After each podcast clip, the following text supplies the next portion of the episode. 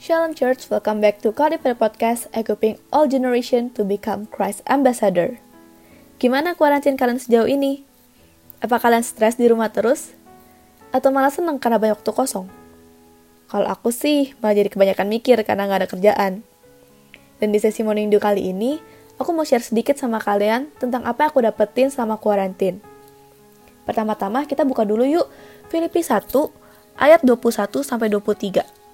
Karena bagiku hidup adalah Kristus dan mati adalah keuntungan. Tetapi jika aku harus hidup di dunia ini, itu berarti bagiku bekerja memberi buah. Jadi mana yang harus kupilih, aku tidak tahu. Aku didesak dari dua pihak. Aku ingin pergi dan diam bersama-sama dengan Kristus. Itu memang jauh lebih baik. Kalian berasa gak sih teman-teman, selama COVID-19 ini, kayak berita tentang kematian tuh ada di mana-mana membuat aku sadar jadi kayak hidup tuh sesingkat itu dan emang kematian itu pasti datang buat siapa pun. Di sini aku jadi mikir lagi, kalau aku harus menghadapi kematian, aku bisa gak ya kayak Paulus yang menganggap mati itu sebuah keuntungan? Dan jujur aja, jawabannya enggak. Waktu aku mikirin ini, aku mikir, hidup aku tuh udah enak banget, nyaman, semua lancar-lancar aja, dan banyak hal yang pengen aku achieve di depan. Ya jelas aja aku gak mau mati dulu, Jelas aja menurut aku living is better than dying. Terus aku mikir dong, kenapa Paulus bisa ya bilang mati itu adalah keuntungan? Apa mungkin karena hidup dia berat, hidup dia susah, dia ngalamin ini itu. Jadi makanya dia berasa mati adalah keuntungan. Tapi nggak kayak gitu. Di ayat ke-23 dia tuh ngomong, Aku ingin pergi dan diam bersama-sama dengan Kristus. Itu memang jauh lebih baik di sini kita bisa lihat kalau Paulus tuh menganggap bersama-sama dengan Kristus itu sesuatu yang berharga banget, jauh lebih berharga daripada kehidupan ini, daripada kehidupan dia yang di dunia. Di sini aku jadi mikir, aku mikir kayak gitu juga gak ya? Apa aku merasa kehidupan di dunia ini lebih berharga dibanding bersama-sama dengan Kristus?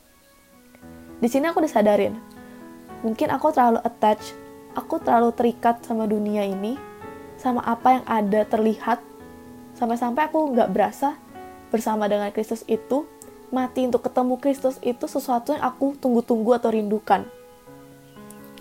Well, aku jadi mikir lagi, aku hidup untuk apa sih sebenarnya? Dan buat siapa?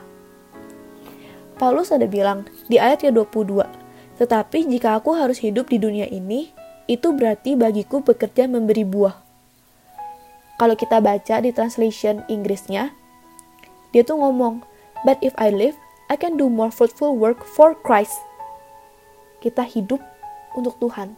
Paulus hidup bekerja menghasilkan sesuatu untuk Kristus.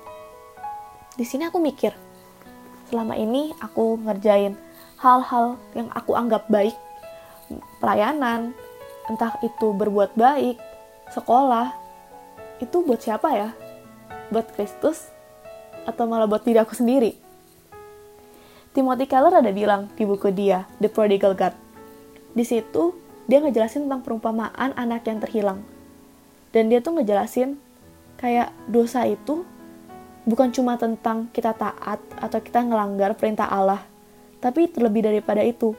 Dosa tuh tentang motivasi hati kita. Untuk siapa kalau kita taat?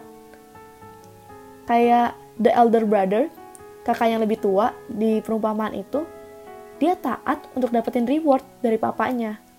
Dia bekerja untuk dapetin sesuatu untuk diri dia sendiri. Di sini aku sadar, mungkin sering kali aku mengerjakan sesuatu yang untuk diri aku sendiri, supaya nggak kelihatan buruk, supaya aku imageku terjaga, supaya ya aku bisa dapetin sesuatu yang baik dari Tuhan. Jadi malah kayak transaksi bukan karena dari cinta. Ya aku disadarin lagi aja sih, untuk terus ngecek hati aku sendiri, apa aku sungguh-sungguh melakukan sesuatu untuk Tuhan atau bukan, atau aku malah fokus sama diri aku sendiri.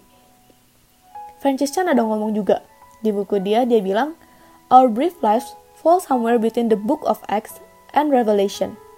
Hidup kita itu jatuh di antara kitab kisah para rasul dan kitab wahyu. Alkitab itu adalah buku kehidupan. Dan menurut aku, kita tuh sering kali melihat hidup tuh tentang kita, kita, kita. Tentang diri kita, tentang apa yang terlihat di dunia ini sampai-sampai kita lupa kehidupan itu bukan tentang kita. Jelas-jelas satu Alkitab itu ngejelasin tentang Kristus bukan tentang diri kita sendiri. Jadi, life is for Jesus. Life is about Jesus. Semua itu berpusat pada Kristus. Di sini aku disadarin lagi sih, buat nggak terlalu fokus sama diri aku sendiri, tapi fokus sama Kristus, fokus sama Tuhan, apa yang aku bisa lakukan, apa yang bisa aku berikan untuk Kristus, karena aku cinta Kristus, bukan karena aku cinta diri aku sendiri. Memang sih, self-love itu bagus. Mencintai diri sendiri itu perlu dan harus. Tapi menurut aku, kalau mencintai diri sendiri, udah sampai di poin di mana kita terlalu mencintai diri sendiri sampai di atas Tuhan, sampai kita memprioritaskan diri kita di atas Tuhan, menurut aku harus refleksi lagi sih. Karena hidup ini memang bukan tentang kita, tapi tentang Tuhan, tentang Kristus. Aku lupa aku baca di mana, tapi ada yang bilang, hidup kita itu udah dibayar full sama Tuhan di kayu salib. Tuhan mati, tebus kita, bayar kita, anggapannya beli kita. Dan di situ jadi mikir lagi sih, kalau Tuhan udah tebus kita, beli kita full price, ya berarti hidup kita bukan punya kita lagi, tapi punya Tuhan. Jadi teman-teman, aku cuma mau ngajak terakhir sih buat kita sama mikir untuk siapa sih selama ini kita hidup? Apakah kita hidup untuk diri kita sendiri atau untuk Kristus. Thank you teman-teman udah dengerin episode kali ini. Have a great week ahead and God bless you. Terima kasih sudah mendengarkan podcast kami. Share podcast ini kalau menurut kalian memberkati. Cultivated Podcast tersedia di Spotify dan YouTube dan kalian bisa cek juga Instagram kita di cultivated.podcast. Terima kasih.